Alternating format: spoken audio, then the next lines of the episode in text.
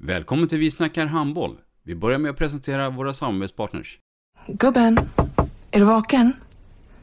Jag, jag tror att det är idag vi får veta. Jag kom in! Mamma, jag kom in! Mamma, jag kom in! Jag kom in! Ah! Vi finns där du är när livet förändras. För alltid välkommen till Länsförsäkringar. Nej men, ska du ha t-shirt på dig?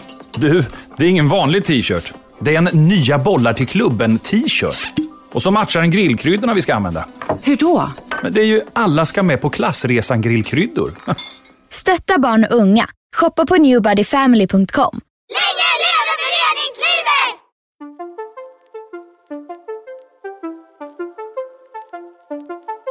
Välkommen säger vi till dig som lyssnar till den nya handbollspodden Vi snackar handboll med Robban Z och Matte. Vi snackar handboll, där du får veta alla sanningar som du inte visste att du missat. Vi snackar handboll. Idag i programmet Vi snackar handboll, Matte, så har vi en gäst som jag är lite nyfiken på och säkert många därtill. Och jag vet att du har ju också eh, haft en nära relation. Vi har ju eh, en nybliven SOE-coach här. Ja, och min gamla vapendragare från Tumba. Och eh, som har lite svårt att uttala eh, orm. Ordet orm kan man ha lite problem med. Och som sagt var, Hallbys tränare Jocke Löfstedt, varmt välkommen till Vi snackar handboll. Joakim Löfstedt, född 12 februari 1982. Vem är det? Låt oss nu ta det från början. Oj, först får jag tacka för att jag får komma hit. Eh, till podden. Snacka handboll. En ära. Vart vill du att jag ska börja? Ja, men vi börjar från början med eh, familj, mamma, pappa, syskon och, och var livet börjar någonstans. Ja, det börjar i eh, Vetlanda. En eh, stad i Småland. Som ni hör på dialekten. Mm. Kadell har redan varit inne på några ord som ni säkert kommer reagera på under den här timman. Eh, uppvuxen i Vetlanda med mamma pappa, Thomas och Britt-Louise. Har två syskon, två mindre. Madeleine och Robin. Och där levde, där lever de fortfarande kvar, mina syskon. Mm. Och mina föräldrar. I samma fina hus på Vandringsstigen 16. Är de lyckliga fortfarande. Jätteroligt att följa dem. Och hur de följer oss barn framförallt. Mm. Nu har de barnbarn med. Mm. Eh, och på den vägen är det. Mm. Eh, du var ju från Vadstena. Vetlanda. Vetlanda. Vetlanda, förlåt. Vetlanda. Eh, om vi pratar eh, skoltiderna då. Hur, hur, hur, var du som en elev?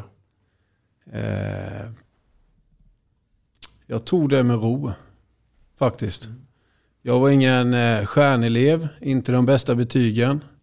Eh, var nog en lagspelare redan i, i, i klassen. Att eh, Hängde med alla. Hyfsat social. Eh, omtänksam. Ja, det gick lite perioder där. Man blev ju lite jävligare på högstadiet, eh, det måste jag säga. Man är ju, gjorde ju en del en del saker som eh, man inte ska göra kanske, men eh, man växer till sig också på vägen. Mm. Eh, tre år i gymnasieutbildning därefter. Mm. Väldigt rolig klass. Har kontakt med vissa än idag. Ja. Mm, mm. Inget eh, jättekonstigt. Nej. Uh, um, bara kortis här. Uh, hade du sen när du lämnade gymnasiet klart för dig vad du ville bli efter skolan? Eller eh, var det fortfarande, som dagens ungdomar, väldigt kluvna? Vad vill man göra? Jag var rätt bestämd. att Jag, jag ville bli polis, men eh, det sket sig ju. Det var ju arbets, eh, arbetslivserfarenhet och alla möjliga sådana här grejer som är skitsvårt att, att bara trolla fram när man är 20 år.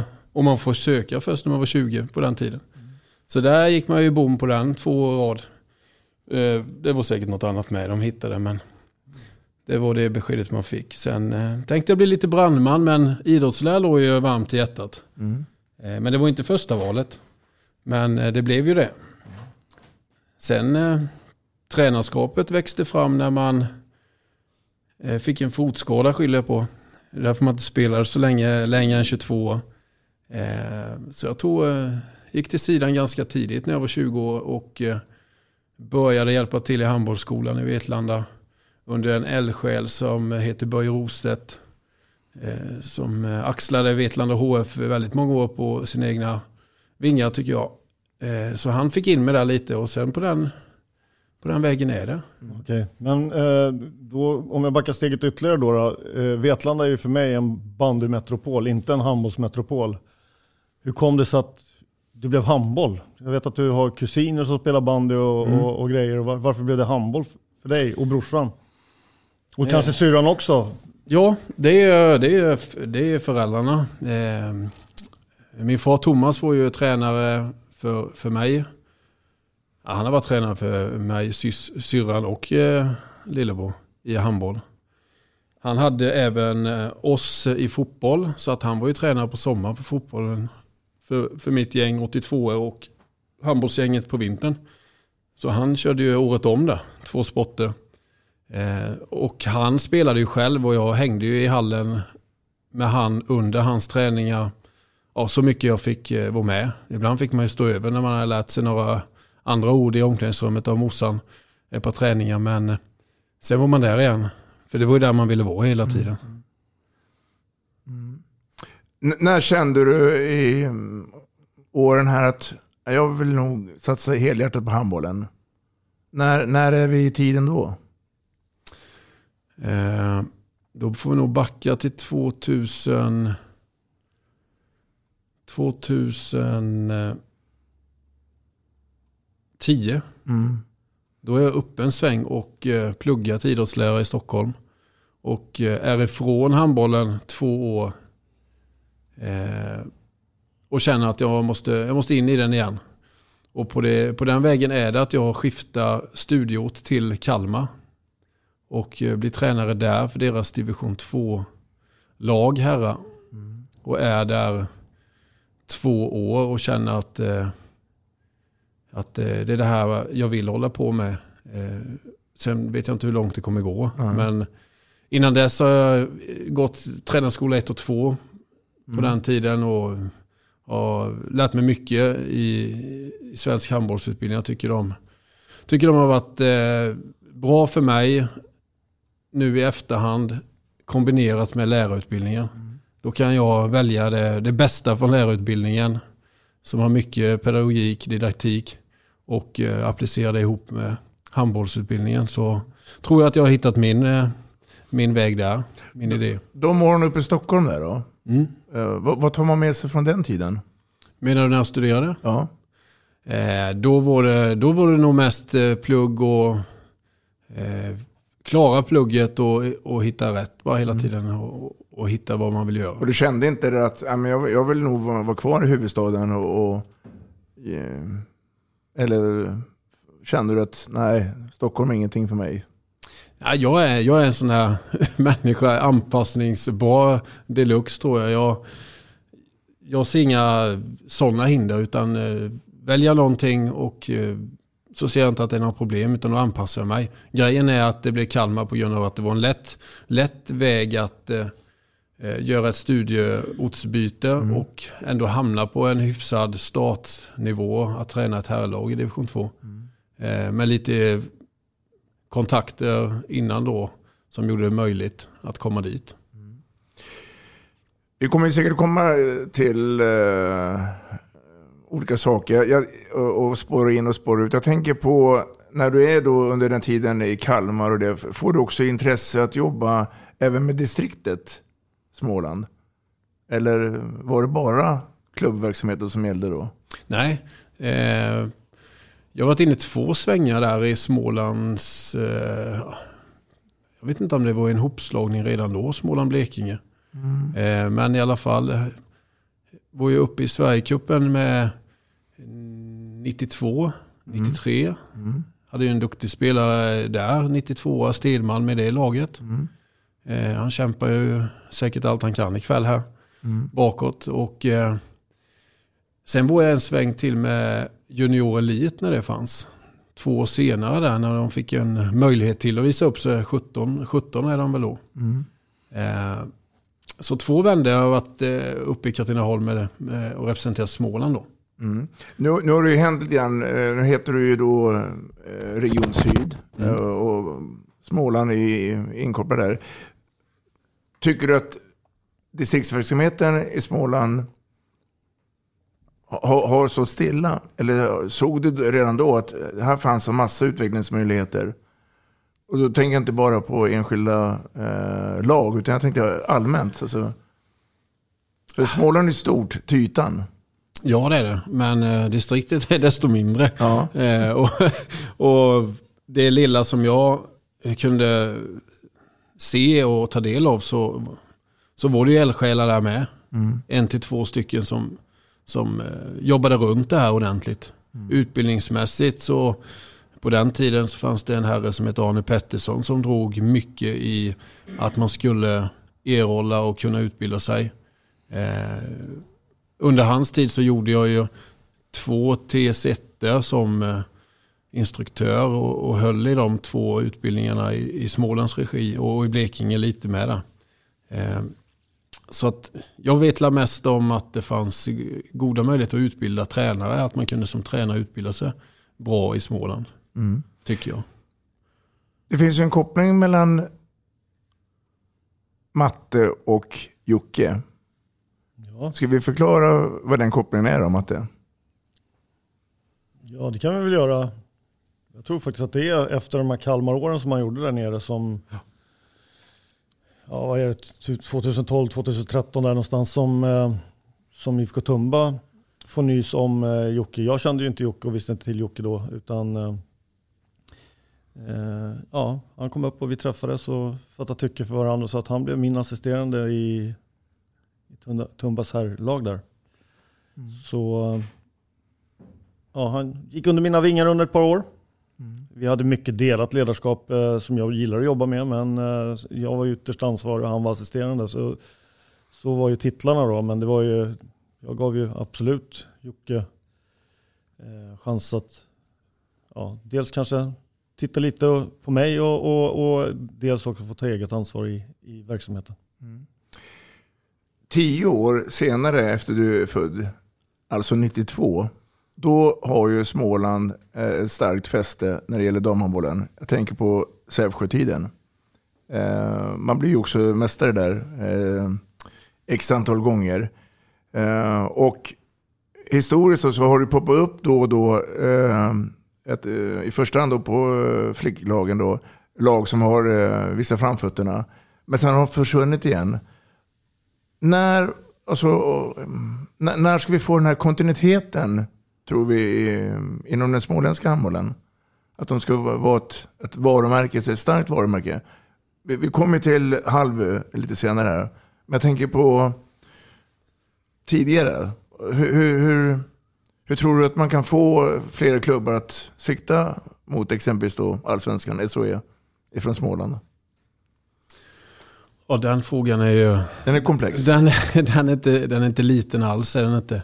Eh, men jag tror att vi, nu säger jag vi här som jag representerar Hallby, eh, måste bjuda in lite mer runt omkring och eh, både utbildningsmässigt men i olika sammanhang men även få föreningar att komma till oss och, dels titta på handboll men ta del av dialog med andra tränare. Det finns, jag är övertygad om att det finns liknande personer som jag själv var för, för 20 år sedan. Att man, man står där i startgropen och det skulle göra mycket att bara ventilera lite med eh, tränare i en klubb som har tagit många positiva steg sista tiden.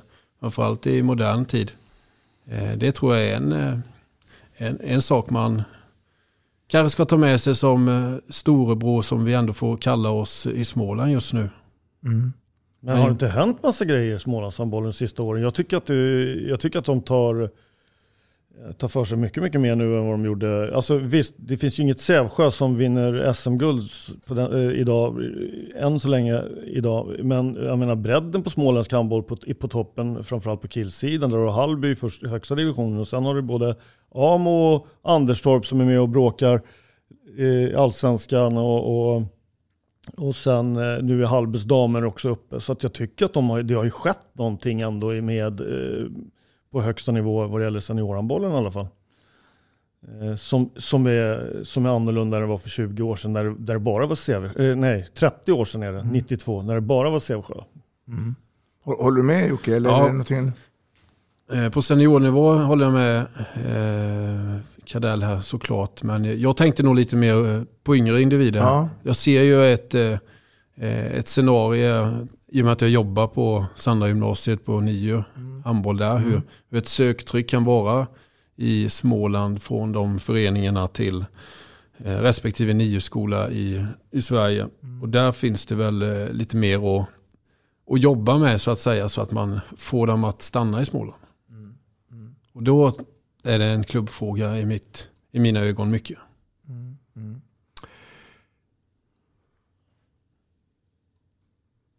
Den spelande Jocke Löfstedt, den egen spelarkarriär, hur, hur, var den? Ja, den var, den var inte lång. Eh, Men den måste börjat någonstans? Ja, ja. Jag började spela, som sagt, i Vetlanda. Mm. Eh, både fotboll och, och, och handboll. Och det blev handboll efter 15 års eh, ålder där. Eh, man eh, dubblade fram dit och sen valde man sport. Och eh, nej, jag, om jag får säga själv så tycker jag att jag var rätt så, jag var rätt okej okay, var jag. Mm. Men eh, jag var ju inte någon spelare för någon eh, hög division 1 eller allsvensk spelare. Vi hade ju våran, våran eh, närliggande stad Eksjö låg ju alltid före oss i divisionen där. Mm. Mm. Så var det tal om att man skulle åka dit och, och provträna eller gå dit så, så var det lite rivalitet sen gammalt. Så det var inte, mm. så, det var inte aktuellt att testa Nej. på min tid. Nej. Utan man spelade där i Vetlanda. Hade du bra tränare som ungdomsspelare? Ja, fick väl... Eh, jag eh, tycker min far gjorde det han kunde. Mm. Eh, Eh, annars hade man inte fortsatt mm. heller. Och, och många där till som han har eh, haft både i fotboll och handboll. Men eh, när Kurt-Göran Limslätt anslöt till oss när vi var juniorer, mm. då hände det någonting på, på oss individer och lag. Då gick utvecklingen eh, ganska snabbt. Mm. Eh, för han, eh, han var duktig på att eh, fånga upp oss, tycker jag och, och lära oss och, ganska snabbt. Så den perioden minns jag att den, eh, där utvecklades jag i alla fall mm. eh, som, som spelare. Och det har du förmodligen tagit med dig också nu när du är då en eh, aktiv elittränare också? Ja, alltså mycket, många av de här tränarna jag haft så försöker man ju... Det man tycker att de gör bra, det tar man ju med sig. Och så får man se ifall det är med hela vägen. Men det är klart att alla påverkar ju en på något sätt. Mm. Eh, både bra och mindre bra. Mm. Men absolut. Mm. Ja, men så är det ju. Det är ju samma, man har ju haft en massa bra ledare inom olika idrotter på hela vägen, hela vägen upp. Så liksom. Men, eh, och så visst tycker man, man har ju tagit intryck från från tränare och ledare man har haft. Men man har ju inte liksom kopierat någon ja, copy-paste rakt igen, över. Liksom, utan man har tagit delar och sen så har man skapat sitt eget ledarskap utifrån de värderingar eller ja, hur man nu ser på saker och ting. Eh, det är så man formas tycker jag. Att man skapar sin egen ledarskap utifrån människor man mött och, ta, och blivit inspirerad av. Så jag, jag är intresserad av liksom resan från Jocke själv upp, liksom, jag vet ju hur hans resa har varit liksom, eftersom jag har känt honom sen vi, vi, våra, våra vägar slogs ihop i Tumba. Men just liksom från Tumba och när de kan säga när det har blivit mer elithandboll. Tumba och sen vidare tillbaka till Småland och, och, nu är det kvar i Småland och, och hur, den, hur, hur han uppfattar den resan liksom och, eh, och sådär. Mm. Om vi går tillbaka till Kalmartiden eh, som förmodligen då var lärorik eh, för dig. Vad händer sen? Efter Kalmartiden? Eh, ja, det, det hände ju lite under Kalmartiden där. Det var lite, eh, lite privata saker som också spelade in. Eh, som jag kan dra snabbt. Jag, jag träffade ju min nuvarande sambo Linda i Stockholm när jag pluggade. Eh, så jag flyttade ner lite tidigare än henne. Hon kom ett halvår, åtta månader senare ner till Kalmar. Under den tiden där så hade jag faktiskt en eh, dialog redan eh, innan med Hallby. Att eh, de var lite nyfikna på mig. Det var en sportchef där som hette Björn Gustafsson då som jag hade kontakt med. Eh, men jag valde ju att fortsätta i, i, i Kalmar mitt andra år Mm. inför det då. Jag visste att eh, Linda kommer och eh, hon ska inte behöva flytta på sig direkt när hon landar in i Kalmar. Sen har jag ju sagt till Kalmar att jag ville köra ett år till och jag är principfast och står för det jag säger. Så att eh, även om det bara var muntligt så, så är det det som, hade, som, som var själva grejen det året som skulle göras. Men eh, efter det året så, ja det var en del samtal med Alstermo eh, men det var inget som föll för mig riktigt där. Eh, däremot så kom jag i kontakt med en herre som eh, jag stött på idag här i huset, eh, Ingmar Linnell. Eh, ringde jag faktiskt själv till och kollade. Jag visste att han var verksam på GH. Jag hade lite av studierna kvar för man kunde läsa dem där uppe. Samtidigt som att jag lyckades, alltså, på den vägen är det, för han var ju verksam i Rico då. Mm. Så den dagen jag träffade Cadell första gången, vi bestämmer, den kvällen hos Tommy Selander i hans hus. Då har jag träffat, som jag sa, Rico och Ingmar Linnell på morgonen där. Eh, I Solna. Och sen har jag även hunnit med och, och hälsat på eh, tappar namnet i Hammarby. Han var eh, han är vd i Hammarby nu. Magnus Kalle. Mattsson.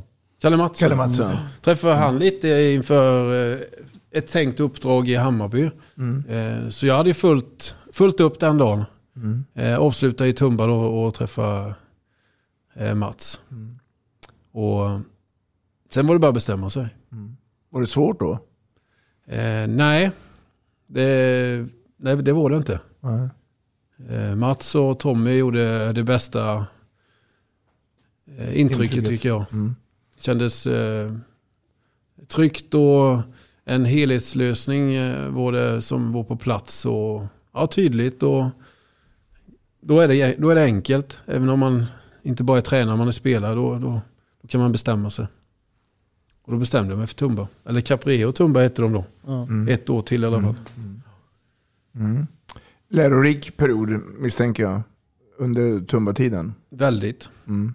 Där är själva startskottet Mm. Ordentligt. Mm. Även att jag testar rätt mycket i, i Kalmar där i två år. Med en, eh, med eh, en spelartrupp som är 17, till, 17 år gammal till 35 med alla möjliga träningsvarianter och allting. Så, så tog ju det här avstampet hos eh, Cadell en skjuts eller en bekräftelse att det, fan det, det finns mycket mer att göra och det, det är kul som fan. Mm. Nu, nu har det gått en tid eh, sedan dess och eh, du har gjort en resa. Eh, jag brukar fråga folk om att har man förebilder. Hade du på den tiden någon förebild att eh, honom och Helen såg jag upp mot? Som i ledarhållet så att säga. Alltså man har ju alltid kollat på eh, landslaget när de har spelat. Mm. Det, det tror jag alla har. Ja. Alla har med sig lite vad man har fått se där. Mm. Både när spelarna är intervjuade och, och förbundskaptenen talar och allting. Så att eh, det har varit skithäftig period att följa, följa dem. Även att man var ganska ung eller tonåren. Men inte någon... Jag skulle vilja säga mina föräldrar i så fall. Mm. För det har varit en, en, en fruktansvärt bra fostran till att eh, kunna lära sig saker när man blir äldre och ha de inputsen att suga in det som jag tycker är viktigt. Mm. Ska vi prata lite handbollsutveckling? Handbollen, Jocke, i Vetlanda när du började och handbollen idag, 2022. Jag misstänker att, att du håller nog med mig att det har hänt mycket på den nivån. Absolut, det har det gjort. Det var... Är det en utveckling som, som du gillar? Eller är det någonting du tycker att handbollen är illa ute här? Och då pratar vi brett och djupt. Jag tycker inte att det är illa. Jag tycker att det är en ny generation som ska leda föreningen. Eh, jag tycker att eh, man väljer rätt. Att man satsar på ungdomsverksamheten. Det är en liten stad. Eh, jag har ju varit i den här föreningen i stort sett hela mitt liv innan jag flyttade. Och då, då är det både juniorlag och seniorlag. Mm. Vi har nu säger vi om Vetlanda, men Vetlanda har inget universitet så det blir ganska tufft att behålla spelare eh, när de blir seniorer, när de är 19 år. De vill gärna flytta och eh, kanske något universitet. Om de inte är eh, bättre eller lite yngre, bra tidiga ålder, då drar de redan på nio skolorna som man också får respektera som en mindre förening och vara glad att man har eh, tagit fram en sån spelare. Mm. Tycker jag. Mm. Så det ska man inte eh, ska man vara stolt över. Men jag tycker de är inne på rätt väg idag. Men det är en mycket mindre verksamhet. Eh, mindre antal lag än när jag var delaktig. Mm. mm. Så den, eh, men det, det händer ju en del. Mm. Det är mycket annat idag i, i modern tid som som påverkar att man ska välja handboll med. Du, du tänker på konkurrensen från andra aktiviteter? Eh. Ja, det är med, men eh, socialt med. Det, ja. De vill göra andra saker, ungdomar. Det är inte självklart att det ska vara idrott bara. De, eh, det är okej att dra till Friskis och träna när man vill också. Istället för att följa ett tidsschema, att eh, någon styr en. Mm. Eh, lite av upplevelsen kanske. Mm. Men sen är det ju andra idrotter såklart. Det är, fotbollen är bred. Kanske inte den högsta, någon elitnivå, men den är, den är stor. Eh, bandyn eh, säger sig självt. Mm. Innebandyn börjar växa lite också, som, som den gör i många städer. Ja, det är rätt. Jag vet inte vad du var ute Nej, efter. Men det, det, det var... Det var eh, du, du, eh, du har svarat rätt på frågan. Ja, tack. Så det är bra. Det är bra. Ska vi gå in då på IF Hallby? Mm. Hur kom det sig att du hamnade där? Eh, ja, när jag, var, när jag var yngre så var det ju, det, det var ju storebror. Det var ju de man såg, det var den stora föreningen i Småland. Mm. Och de hade alltid bra ungdomslag. Jag, när jag var ungdomstränare för Vetlanda, eh, pojkar 90-91, så var det ju drabblingarna mot eh, mot Hallby som var tuffast. Mm. Eh, Syrus med på den tiden. Mm. Eh, så att eh, redan där så lekte man med, med tanken att eh, fan vad häftigt att och träna i en sån förening. Eller och med i någon slags process där, där de är så stora och, och, och, så bra på det de verkar vara och hur de jobbar och sådär. Så redan där var ju tanken där att häftigt ifall man kan få jobba för en stor förening någon gång. Eh, och det får jag göra idag ju. Mm. Så det är, ju, det, är ju, det är en skön tanke som har slagit in. Mm. Och du är tillbaka till, eh, eller ja, om man får säga så, eh, i Småland och, du brinner för, för Småland. Eh, även om det nu är de tidigare konkurrenterna, om du får säga så, Hallby. Ja, ja, ja det är ingenting att man... Det är inget, ingen stridsyxa där, herregud, utan Eh, jag fick ju vinna mot dem rätt mycket så jag är glad för det. Så att... mm. Mm. Matte, eh, Hallby. Mm. Har du några, har du några uh, minnen eller vad tänker du när vi säger IF Hallby? Jag har ju... Alltså, min... Jag har ju massa minnen från den föreningen. Alltså, den, den föreningen har ju utifrån har jag stött på väldigt, väldigt många gånger. För vi låg oftast tampades i, i ofta tampades i uh, i näst högsta serien där. Och det var ju långt tillbaka i tiden när även Claes Ribendal spelade där. Mm. Liksom, och, Eh, och sen alla spelare som, som sen dess har gått igenom, eh, framförallt på herrsidan. Då. Jag har inte haft så mycket kontakt, tidig kontakt med, med, dam, med damsidan. Eh, mer än egentligen de eh, sista åren eftersom jag följer Jocke som tränare så har jag ju följt med lite grann på Halby på damsidan också liksom sådär i bakgrunden. Eh, har jag gjort men det är framförallt som, som, som herrförening och som konkurrent i, eh, på allsvensk nivå genom många herrans år som, som eh, förening. Och de var alltid en eh, hård nöt att knäcka. Mm. Tycker jag. De eh, stod för någonting och de hade tydlighet och haft bra ledarskap. Många, många bra tränare som också har varit där i, i, i klubben eh, och sådana saker. Eh, så att eh, ja, det har varit en trevlig bekantskap att vara konkurrent till. Mm. Jag tänkte att du skulle få berätta lite grann nu då, för nu kommer vi prata en hel del om Hallby. Eh, du har ju varit på båda sidorna, både på herrverksamheten och, och damverksamheten. Det började väl på herrsidan vad jag förstår. Eh, ska, vi, ska vi börja där då? Hur allting började? Ja, eh, det var ju 2013 efter eh, Tumba-året där hos Kadell. Mm. hur gammal var jag då? 31 eller? Typ. Ja. Mm. Eh, grön i rocken. Har eh, försökt suga ur Kadell allt han kan typ. Mm. Det året. Nej men eh, allvarligt, jag vill ju lära mig allt typ. Krävande som fan är jag. Och, eh, men när jag kom där första året, eh, allsvenskan, herra, eh, en tuff, ett tufft första år. Inte bara att jag var ung utan att jag eh, gjorde ju mindre bra resultat än vad föreningen eh, hade som målsättning. Och, jag själv, herregud, jag ville ju vinna varenda match, match man ställde mm. upp i. Och, eh, eh, tufft första år tycker jag det var. Eh, började på nio också samtidigt. Eh, på Sandra gymnasiet. Så det var ju min min tjänst där. Att jobba på nio och träna Hallbys herrar mm. i allsvenskan. Resultatsmässigt är det ju en katastrof egentligen för man åker ju ur allsvenskan.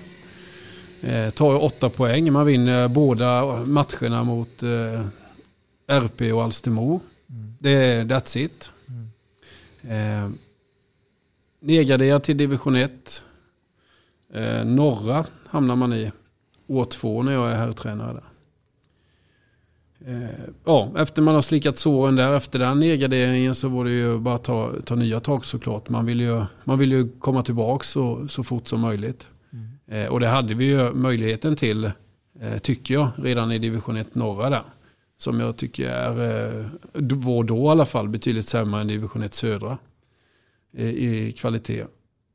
Men åker väl på målsnöret där på första platsen och ställs, ställs i ett kvalspel eh, som man inte, som inte alls lyckas med så som vi vill. Mm. Eh, så det är, det är lärorika år när man åker på pumpen så, så kraftigt mm. som det första året var, mm. tycker jag. Eh, som jag också lärt mig mycket av att eh, eh ha respekt för, för, för allting egentligen och gå in med en ödmjuk sida oftast. Även att jag eh, gärna, jag behöver inte be om ursäkt om jag tycker att vi, eller jag gör någonting väldigt bra. Det gör vi inte. Men eh, tuff start i, i Hallby här där. Vad, vad, vad sa folk när du gick på stan då? Eh, alltså det, stan var ju lite mindre. Jag, jag gick ju inte ut. jag ska. Men klubben är ju resultatinriktad och, det ska, och prestationsinriktad på den här nivån. Och det, omgivningen är krävande. Mm. Eh, på gott och ont. Men jag tycker att, jag, att det ska vara så. Jag tycker ändå att jag har landat i rätt. Även att vi förlorade mycket så, så kände jag att jag, det är här jag ska vara. Eh, man får ta sig igenom det. Eh, jobba igenom det. Det är en process det med, som mycket annat. Eh, och det gick ju bättre och bättre. År tre där så, så vinner, då, då spelar vi division 1 södra. det året. Eh, som jag tidigare nämnde, som jag själv tycker är en högre nivå på handbollen. Eh, Sen om det har med farmarlag att göra, det vet jag inte, men den, den är tuffare. Utifrån vad jag fick uppleva. Eh, Den lyckas vi vinna. Eh, 20 av 22 matcher och då vinner man ofta serien. Eh, Så det var skönt att, komma upp där de minst skulle vara tänkte jag. Och vi som jobbar runt omkring där såklart. Eh, Ska jag bara fortsätta eller? Det gör det. Absolut. det. Sen kommer det en sån här härlig situation i livet där man, där man blir erbjuden att jobba lite mer på en skola kommunalt och få en sån kommunal anställning som är så pass eh, större trygghet än i att vara en tränare. Eh, som gör att jag, jag, accept, jag tackar ja till att jobba för Sandra gymnasiet eh, 100% som idrottslärare och på NIU. Eh, och eh, väljer utifrån att jag också kommer bli eh, pappa för första gången där till hösten. Att eh, avsätta min plats eh, som allsvensk tränare då. För I här hand- laget. För här laget. Eh, och, och tacka nej till den fortsättningen som klubben ville det skulle vara. Och egentligen satsa på lärarjobbet och... och Tänker på familjen. Ja, familj, det nya, det, vi skulle bli en familj där. Eh, hade även en C-uppsats som låg och skräpade lite eller låg och sladdade som skulle bli klar. Och den, den vet ju alla som har gjort den att den tar ju lite tid också att få in. Då, tänk, då blev det för mycket med ett eh, allsvenskt lag också. Och jag ångrar inte det valet i efterhand. Utan eh, det, det kändes eh, klokt då och det känns klokt idag. Och, och, och dina huvudtränare då, mamma och pappa då, sa de att du gör nog ett bra val? Jag är ganska bestämd sådär. Och- så de kommer ju med sina tips och råd och har alltid varit bollplank eh, hit och dit. Och jag har även slängt iväg er på samtal till Gardell i, i olika sammanhang med. Men eh, de har alltid stöttat. Så att eh, de har inte mindre handboll att åka och titta på bara för att jag kliver, kliver av eller kliver upp på läktaren lite. Men det är klart det är roligare att, att följa sina barn i, i en aktiv miljö säkert. Då blev det några år där med bara, bara inom situationstecken skola där du var idrottslärare och handbollstränare på Sanda. Sanda. Och den tjänsten har du fortfarande kvar idag. Ja. Känns den likadan ut nu som den gjorde då? Eh, även fast du nu också har blivit elittränare på damsidan. Du jobbar fortfarande 100% om jag förstått saken rätt? Jag kommer göra det läsåret ut nu. Sen kommer jag eh, ta tjänstledigt från Sandra gymnasiet från idrottslärardelen då. Så jag kommer ha hand, jobba vidare med nio handboll och så kommer jag gå upp i tid i, i Hallby handboll. Okej? Ja. Det är ju så då att eh, vi kommer då in på då nästa stycke i din tränarkarriär då. Och det är ju Hallbys damer. För att eh, det måste kommer några samtal då, då från Hallby och frågat. Ja, det var lite tyst där. Eh, när man tackar nej så, det kanske inte är så vanligt när man eh, går upp en eh, division att man eh, inte vill fortsätta.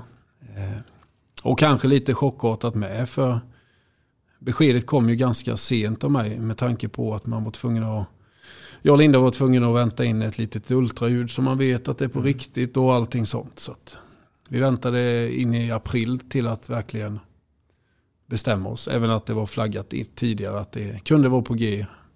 Att, eh, att det inte skulle bli någonting då. Något tränarskap. Eh, sen eh, började jag prata med Hallby lite. De kallar mig på ett eh, möte om damerna. Då, har de, då är de verksamma i division 2. Eh, det året de börjar, vi börjar prata och de, de vinner ju den serien. Det var ju tredje mötet tror jag då. Då hade jag bestämt mig för att köra på damerna. Jag var rätt in, inrutad på herrarna. Att eh, Första mötet minns jag gick väldigt fort. Eh, då var jag bara intresserad av eh, att träna herrar. Punkt. Och där var det slut typ. Det är första mötet. Sen eh, började jag prata lite med mina kollegor i, på Sandra-gymnasiet. Jag har ju många idrotter där. Många elittränare, en del förbundskaptener i, i andra idrotter. Och mycket i damidrott. Ventilerar mycket med en kille som heter Francisco Pinto på basket. Tränat damer nästan hela sitt liv har han. Fördelar, nackdelar, skillnader, likheter, olikheter. Pratar hela dagarna nästan. Där under den, i och med att de hade ställt frågan och jag... Ja, det sätts ju igång en process såklart ifall man ändå skulle möta det. Eh, kan ha frågat Kardell med. Ja, du har ringt mig någon gång. Fall. När det gällde det i alla fall. Ja. Eh, gick ju den här, vad fan, jag lärde känna Signell lite på en, en, en, en utbildning och då var han ju inne i landslaget. Mm. Så jag eh, ställde frågor till han med lite. Vad han tycker. Jag vet att han har haft det här innan och, och sådär. Så jag gjorde nog en liten sån research själv för att få, få lite intryck hur det kan vara. Om det skulle kunna passa dig eller ja, inte? Ja, det också. Mm. Verkligen för att eh, men på den vägen är det. Och mm. eh, sen bestämde jag mig efter några möten där att nej, men vi, vi kör. Mm. Och, och, din uh, goda sambo, mm. fick hon sista ordet säga att kör du, eh, vi fixar det tillsammans. Jag tänker på familjen. Och... Ja, ja hon, eh, hon har ju fått eh, ta del av att handbollen är eh, så stor för mig och mm. betydelsefull. Och den ni vet ju själva hur mycket tid man lägger ner. Är man tränare så, eller lagledare eller materialare, you name it. Mm. Eller eh, kör snacka handboll så blir det jävligt mycket tid. Eh, så hon, hon respekterar det och eh, anpassade sig att ska jag vara med och leva med Jocke så får det nog tillåtas att det är en del handboll. Mm. Om det ska bli bra. Mm. Så hon hängde på tåget. Mm. Det är bra det. Ja, det, det är väldigt bra. Ja. Men de här, liksom, du gjorde en kraftig research och du kände dig själv som herrtränare. Men eh, även fast jag tycker att man är handbollstränare, antingen, antingen på dam eller herrsidan. Men, men eh, hur har de där fyra, fyra åren varit nu då? Har du ångrat någon gång att du hoppade på tåget? Nej, snarare att jag inte gjorde det tidigare kanske. Mm. För det har varit... Eh, Eh, det har varit utvecklande för mig och eh, rolig. Jag vill säga att det har varit roligare. Mm. För de är så jävla häftiga att träna. Mm. Men det kan väl vara så enkelt också då att du, du kommer till hallen och det kommer spelare som vill någonting. Eh, Likaväl som jag också tänker på gymnasiet. Så kommer det elever morgon eller kväll eller mitt på dagen och de vill någonting, de är sugna. Det är inte som att vara en vanlig gymnastiklärare och så kommer eleverna och säger det här vill jag inte vara med om. Så att jag, jag tror att det är en kombination du är inne på. Uh, för att, uh, och jag tror också högst personligen, du var inne på det själv, att du är en krävande ledare. Uh, och det vet jag, av, av de jag har också kollat av. Att han är en hård jäkel, Jocke Löfstedt. Men någonstans utgår från att du också försöker vara rättvis. Stämmer den bilden? Ja, det är väl, eh, det är väl lite på pricken kanske. Ja. Eh, hade de lagt till lite tydlighet där så hade det väl varit jackpot. Mm. Eh, så det är, det är skönt att det har nått fram i alla fall. Mm. Mm. Men jag tror att det är viktigt också i ledarskapet att man är bestämd och man vet vad, vad man själv vill och vilken eh, filosofi man har och sådär. Och att man inte börjar ta för mycket intryck av alla andra människor runt omkring en i klubben och, och, och sådär så att man ska börja föra någon annans ledarskap och, och ja, för att man ska göra alla andra till lags. Mm. Jag tror att det är viktigt att man vågar stå på sig eh, och vara bestämd och, och, och rak och tydlig i sin kommunikation. Eh, den här vägen går, går vi med mig liksom. Sen måste det alltid finnas, man måste ju samtidigt vara lyhörd också mm. i, i gruppen. Så att, och lyssna hur gruppen mår och, och, och är. Så att, eh, mm. ja, det finns en hel del som är... Mm, vi pratar mycket mål och målsättning. När, när du bestämde dig att eh, jag ska vara ansvarig för Hallbys damer, vad, vad satt du och föreningen för mål när det gäller de, de sportsliga sakerna? Ja, då hade de ju precis vunnit eh, eh, division 2 där. Ja. Eh, och nykomlingar i ettan. Eh, det var nog ganska oskyldiga de eh, mötena och diskussionerna om målsättning. Det, det var inte uppe riktigt på, på tapeten mer än att den gamla klyschan att man, det är klart att alla vill vinna och alla vill ta steget upp. Men det var ingen, det var ingen färdig plan hur man, hur man ska göra organisationsmässigt om man skulle gå upp. Eh, det var aldrig på tapeten utan vi, vi startade med att, eh, att en träningskultur skulle in eh, i, i den här gruppen eller eh, på damsidan. Eh, kanske hade saknat den innan. Och sen lite tydliga riktlinjer vad som, vad, som, vad som gäller eller vad som ska guida det här laget i rätt utveckling. Då. Och det ledde ju till väldigt positiva resultat snabbt. Eh, gjorde det ju. F- Fick du behålla hela gruppen eller- var det några som själv sa att nej, jag är, det här vill inte jag vara med om, det, det blir för tufft? Ja, jag tappade en del där gjorde jag. Eh, det, så var det. Mm. Men eh, det gör man ju när man ställer krav. Mm, Och, det, och det är naturligt. Eh, Så är det ju. Ja. Jocke, eh, 13 mars 2022. Då händer någonting. Då är det så att eh, då kvalificerar sig IFK Alby till SOE. Det är en omgång kvar. Det är bortamatch mot AIK. Ta oss igenom den den gångna säsongen och allsvenskan. För att den var ju otroligt tuff där uppe. Men det hände saker också. Eh, jag tänker på Bodens svaj, eh, eran kontinuitet och eh, jag vet att du sa också att man ska vara ödmjuk och, och eh, skynda långsamt. Eh, många hade ju då eh, i slutet där att Halve som stora favoriter. De där veckorna där måste ju varit jobbiga men samtidigt inspirerande och roliga. Att veta, fixar vi det här eller kommer vi inte fixa det här? Hur, hur, hur gick snacket?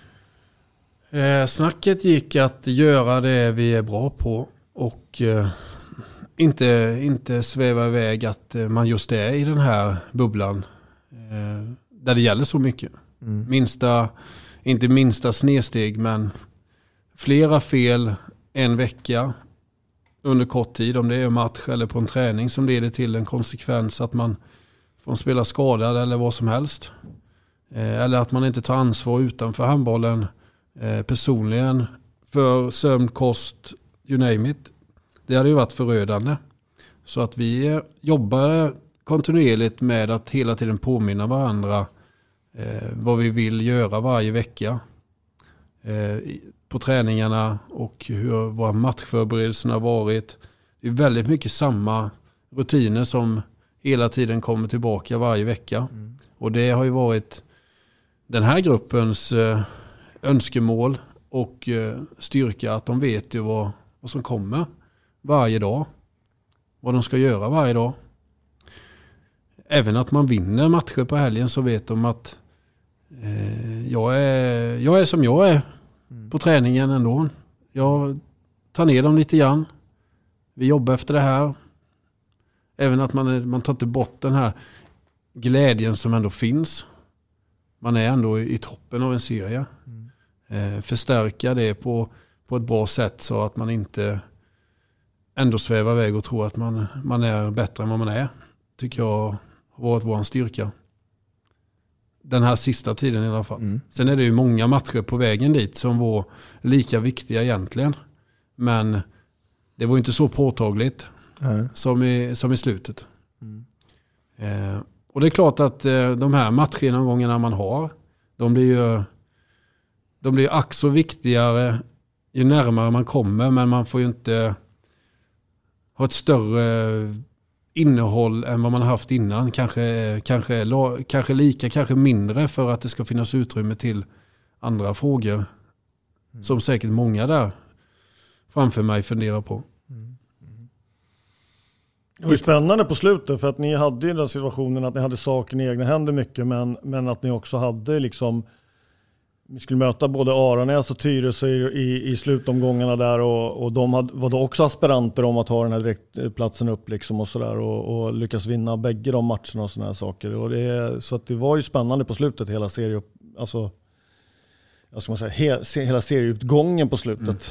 Eh, mellan framförallt de här tre lagen då. Boden var väl lite vid det skedet lite, de hade ju försatt sina chanser lite tidigare på grund av att de hade lite taskigare höst eh, nej, taskigare vår än höst. Eh, sådär. Så att det var ju väldigt spännande även för oss som var åskådare till det här. Och det, det, jag håller med dig. Det, hela Hallby, kanske Jönköping med där som följde, för det kom ju fler och fler på Mm. läktaren. Mm. Det är ju lite medgångssupportrar där. Men så är det. Ja, jag, jag säger inte något nej, negativt till det. Nej, då, det är bara kul att de kom tänker Absolut. jag. Och hoppas de kommer eh, tillbaka när vi ska spela i SOE. Mm. Men eh, tillbaks till Kadells där, det här med avslutningen på serien. Eh, det är ju en tuff start med. Mm. Ja, just det. I och med att man möter de här tre lagen mm. på bortaplan nästan efter varandra. Mm. Och, och ha en, en förlust eh, på sju mål på de tre matcherna. Eh, så att det, det gick ju inte bara att fortsätta. Det är inget självspelande piano efter, fyra, efter fem matcher om man har förlorat tre. Och man eh, vill komma etta, tvåa. Så det blir ju ett lite annorlunda arbetssätt därefter. Men sen när man hittade, eller vi hittade det vinnande konceptet eh, där vi vill vara och ha de veckorna och den, det flytet och den harmonin i, i grupp. Då är det ju lite lättare. Men fick ni med er någonting då när ni mötte typ i början på serien? När du sa det efter fyra om eller fem omgångar så stod ni på tre förluster och, och två segrar. Och då hade ni mött Boden borta, ni hade mött Tyresö borta, ni hade mött Aranäs borta. Eh, kunde ni ta med någonting, liksom att ni hade mött ganska tufft motstånd på bortaplan som gjorde att det blev att ni kunde ta med er någonting så att ni kom in i det här flowet sen när ni mötte de andra lagen? Ja, det, det kunde vi. Delvis så visste vi att de eh, på förhand var, eh, ja, inte kanske topp tre, men topplag alla tre i alla fall. Så vi visste ju att vi mötte bra motstånd. Sen får man ju titta på vår egen prestation och, och både mot Aranäs och Boden borta så leder vi ju faktiskt matchen när det är åtta minuter kvar. Och, och tappar båda de matcherna. Mm. Eh, så där jobbade vi med att titta på orsaker. Eh, varför blir det som det blir och ja, rätt spelare inne hit och dit. Alltså, eh, faktorer som jag kan påverka mycket. Eh, samtidigt som att man måste få dem att gilla slutet av matcherna. Kanske ja, tydlighet ännu mer då, vad vi ska göra. Eh, vem ska göra det, vem får göra det och så vidare.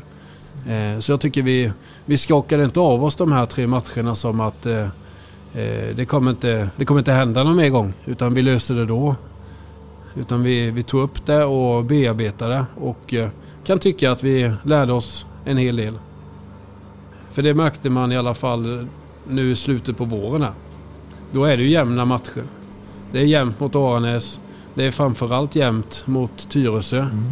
Eh, och mot Tyresö gör vi ju inte våran starkaste eh, match eh, av de sista fem. Det är ju mycket annat som spelar in. Både i Tyresös lag och, och oss, mina spelare. Det är, ju mycket, det är så mycket som står på spel. Så det är ju en anspänning som kanske aldrig släpper under matchen på, på många spelare. Eh, men däremot mot Boden och Aranäs tycker jag verkligen vi har ett helt annat tillstånd matchen igenom. Hur många matcher förlorade ni totalt sett på säsongen då? Var det bara de här tre eller? Det var de tre. Och, Och så spelar hann vi. sen då under en ganska lång tid från efter omgång fem fram tills det är fem omgångar kvar då. Han är liksom med mycket segrar och bygga mycket själv, Mm. självkänsla och självförtroende och, och, ta, och samtidigt liksom hålla ner gruppen lite grann, vara ödmjuka och sådär. eh, Men när ni gick in i de här fem sista omgångarna och de skulle möta de här tre topplagen igen på hemmaplan så, så då, då måste ni ha känts ganska starka efter, ja, just vid den tiden då. Absolut. Det gjorde vi och vi hade ju en lika match där på vägen. Eh, mot Guif femma. Som, som jag tycker vi slarvar bort en poäng. Eftersom vi leder den matchen ganska komfortabelt. Eh, sen har vi ju matcher under den här perioden när vi vinner väldigt många.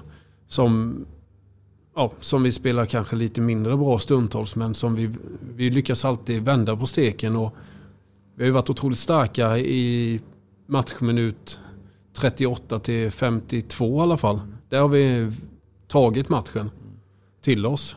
Men det där poängtappet mot Gulf, det kan ju också ha haft en, en annan psykologisk betydelse. Det här liksom att man liksom, ja okej, okay, där ser ni.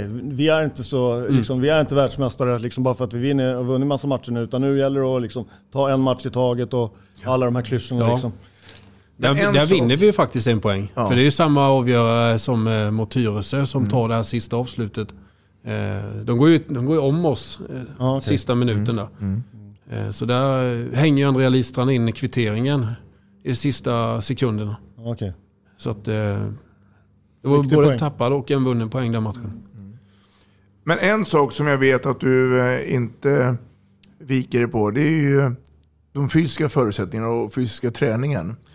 Och, och jag tror att när jag hör det nu så är det väl så att det är, det är inte på fysen som ni i så fall har eh, tappat de här poängen. I så fall är det mera handbollsmässigt.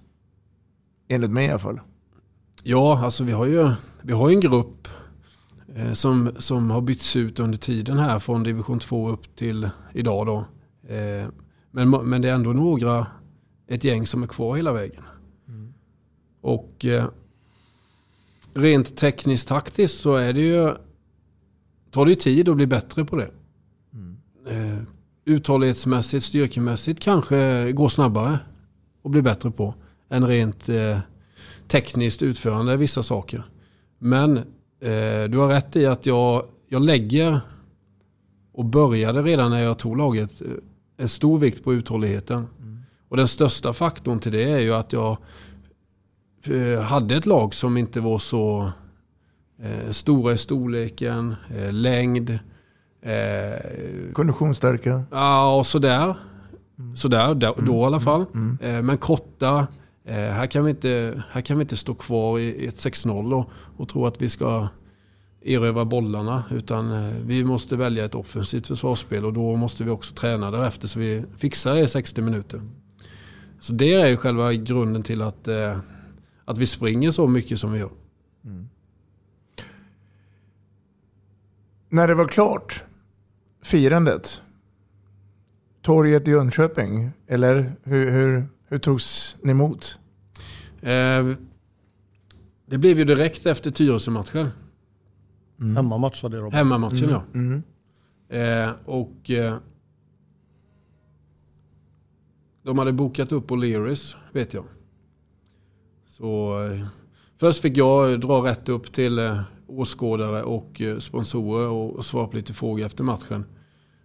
Men det blev ju ett firande i omklädningsrummet såklart och, och den biten och sen skulle vi infinna oss på Leris mm. senare den kvällen. Och det var ju... Jag har inte så mycket detaljer från den kvällen för att... För du var inte med? För att olyckligtvis nu så, så, så blev min sambo så pass sjuk så, och vi hade en barnvakt som inte kunde stanna länge. Så jag var tvungen att... Tvungen låter ju för jävligt. Jag valde att åka hem och... Eh, ja, bo med mina två, två ja. barn. Och, eh, så Linda kunde ja, repa sig ordentligt. Jag försökte följa dem lite över lite högtalarsamtal. Och, men det går ju inte så jävla sent som de började ringa också. Ni vet ju det. Men, men den festen var jätte... Den, de förtjänar ju den. Mm. Eh, och det var lika så när vi kom hem från eh, AIK där. Det var också bokat till oss på Leary så att vi kunde gå dit och, och fira därefter också. Mm. De gör även en guldfest som går av stapeln nu på lördag. Mm. Eh, för dam och herrspelare. Eh, firar väl mest evenemanget till SOE såklart. Men även att de är, herrarna håller sig kvar är också eh, en bra grej. Att få fortsätta i ligan såklart. Mm. Så att eh, jag tycker Hallby är duktiga på att fånga upp eh, eh, prestationer. Mm. Bra prestationer. Mm. Matte, ja. nu sitter vi här på Scandic Billingen i Skövde. Stämmer. Det är torsdag. Imorgon är det fredag. Då är det match två i SM-final damer. Skuru mot Sävehof. Mm. Och så sitter vår gäst här som om ett, ja, nästan ett halvår, jag, lite kortare då, ska möta de här. Nu kommer ju nästa kapitel.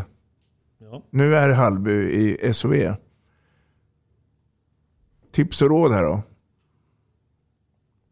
Ja, tips och råd det är ju bara förbereda sig. Jag tycker, alltså, han vet nog bättre vad som behövs göras och inte göras. Jag tror dock att man ska år ett eh, vara lite grann sådär att inte kanske försöka mäta sig. Eh, att matcherna mot Skure och Sävehof blir säsongens viktigaste. Jag tror att det finns andra lag som, som man först ska ta upp kampen med.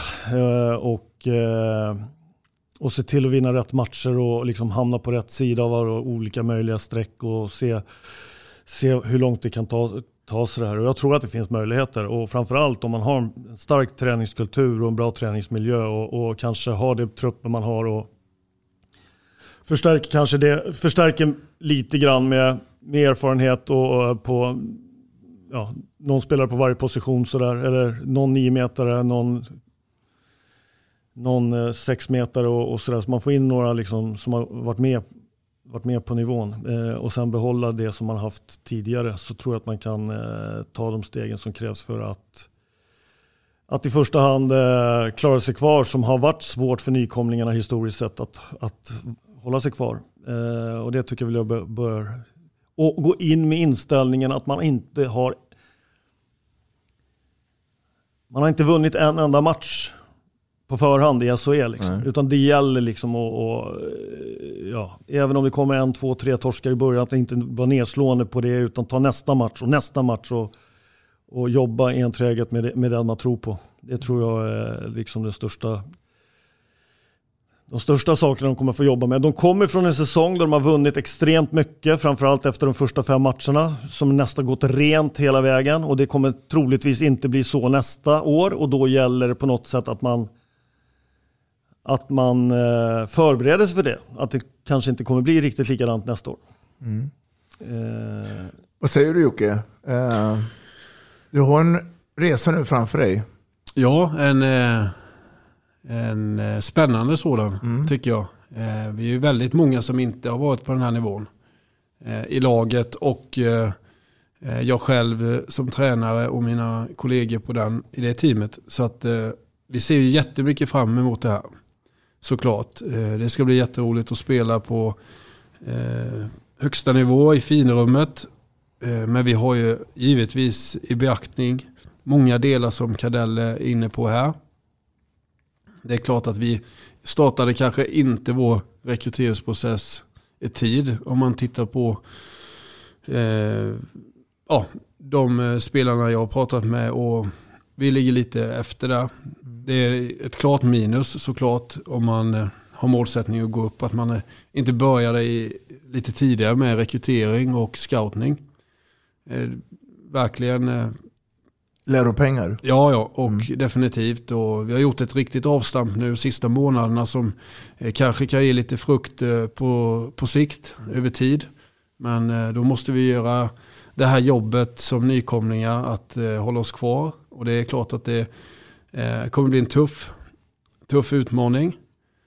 Eh, men jag får behålla de spelarna jag vill behålla och eh, eh, kan förstärka med, med, med ett par här längre fram. Så, så tror jag med våran träning, kan vi få in träningskulturen till att få en spelkultur att se varje match som den sista. Mm. Så, så, så har jag en förhoppning att vi ska knipa några, några matcher eh, det här året. Jag är fullt förståelig att det inte blir det här vinnarstreaken som vi fick till i allsvenskan på slutet. Det var ju helt... Eh... Magiskt. ja. Eh, men fem matcher tror jag, om jag har räknat rätt, är det innan ett eh, uppehåll. Så jag ser det som att vi ska lära oss efter de här fem matcherna. Mm. Vi ska spela fem matcher, vi ska göra det vi gör och vi ska samtidigt reflektera och ta med oss saker som bara kan göra oss bättre. För vi gör väldigt mycket som är bra. Och eh, jag har en trupp som eh, jag har trott på länge och eh, väljer att tro på den ytterligare eftersom många är kvar. Mm. Så jag, är, jag har stora förhoppningar. Sen tror jag det är viktigt också liksom att man, det tror jag det vet Jocke också om, liksom, som ledare så gäller det liksom att man på något sätt jäkligt lyhörd för vad som sker inom gruppen och att man har sina ingångar i gruppen. Så att, för att när man, en, ett lag med framgång som vinner och vinner och vinner och vinner, där blir problemen blir väldigt, väldigt små. Det, och, och, men du vet, när man bör, om man börjar förlora och förlora och förlora några matcher i rad sådär, då, då kan de här problemen som pyr i lite grann in, då kan de bli jäkligt uppförstorade. Liksom. Så det gäller ju på något sätt att hålla det där i schack hela tiden. Så att det inte, så att, jag brukar ofta säga så här, karaktären på gruppen och ledarskap och allting, det, det, det, det visar sig mest i svåra perioder när man, när man liksom inte har det så jäkla enkelt och lätt hela tiden. Där man ska jobba sig liksom ur, ur det är där karaktär på grupp och ledarskap eh, liksom ställs på prov riktigt ordentligt. Och kan man komma igenom det på ett bra sätt, då kommer man vara, bli ruggigt starkare i framtiden. Mm. Du, du har ju en tydlig spelidé eh, och Hallby har ju det. Är det någonting du tror man måste eventuellt förändra på? Eh, till, eller kommer vi känna igen eh, samma gamla Hallby som den gångna säsongen? Eh, delvis eh, kommer man kunna känna igen eh, Hallby. Jag hoppas att vi kan spela vårt offensiva försvar stundtals. Jag är väldigt medveten om att vi ska ha ett komplement som, som kommer vara lite, lite mer defensivt än vad vi har spelat. Men sen finns det också delar i 3-2-1 som, som, som vi kommer utveckla som, som gör att det blir lite variation på det hela. Jag gillar ju att spela offensivt. Eh, men vi kommer med oss ett, ett, eh, minst ett försvarsspel som är defensivt in i, in i SOE. Mm. Historiskt då så har ju Hallby varit i högsta ligan eh, vid två tillfällen. 02-03, 05-06. Båda de gångerna så eh, åkte man ur direkt. Eh, tredje gången nu då. Eh, inte tredje gången gilt hoppas jag. nej, det... det Jo, tredje gången gilt på, fast nu stannar kvar. Ja, ja. Eh, det kan jag gå med på.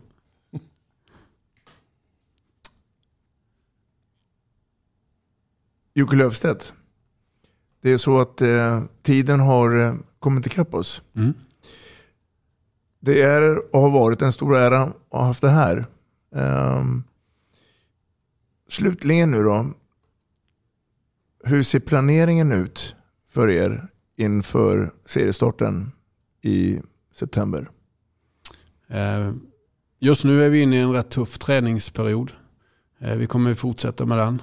Eh, Släpper på den emellanåt, någon dag eller två, annars så kör vi fram till midsommar.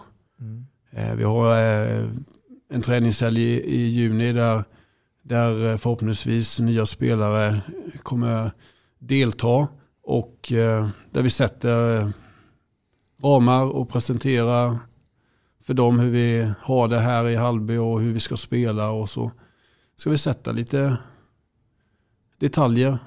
Vi vill utveckla vårt spel också. Vi förstår ju att det inte kommer räcka med, med, med det vi har gjort förra året. Vi måste bli bättre på vissa taktiska delar och tekniska. Från oss på Vi snackar handboll. Kämpa och lycka till. Eh, så ses vi i hallarna. Lycka till. Tack, tack för att jag fick komma.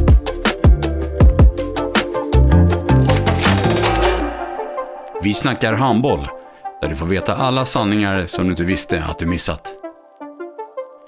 Vi snackar handboll. Vi snackar handboll produceras av produktionsbolaget High On Experience, från vision till passion. Ett avslutande tack till våra samarbetspartners. Hallå! Kommer ni eller? Ja, ja. Har du sett mina ankelsockar? De här? Nej, nej, jag menar skridskoslip till juniorlaget Ankelsockarna. Ja, men kolla bredvid träningsläger med handbollstjejerna-t-shirtarna. Stötta barn och unga. Shoppa på newbodyfamily.com. Länge leve föreningslivet! Gubben, är du vaken? Jag, jag tror att det är idag vi får veta. Mamma, jag kom in! Mamma, jag kom in! Jag kom in!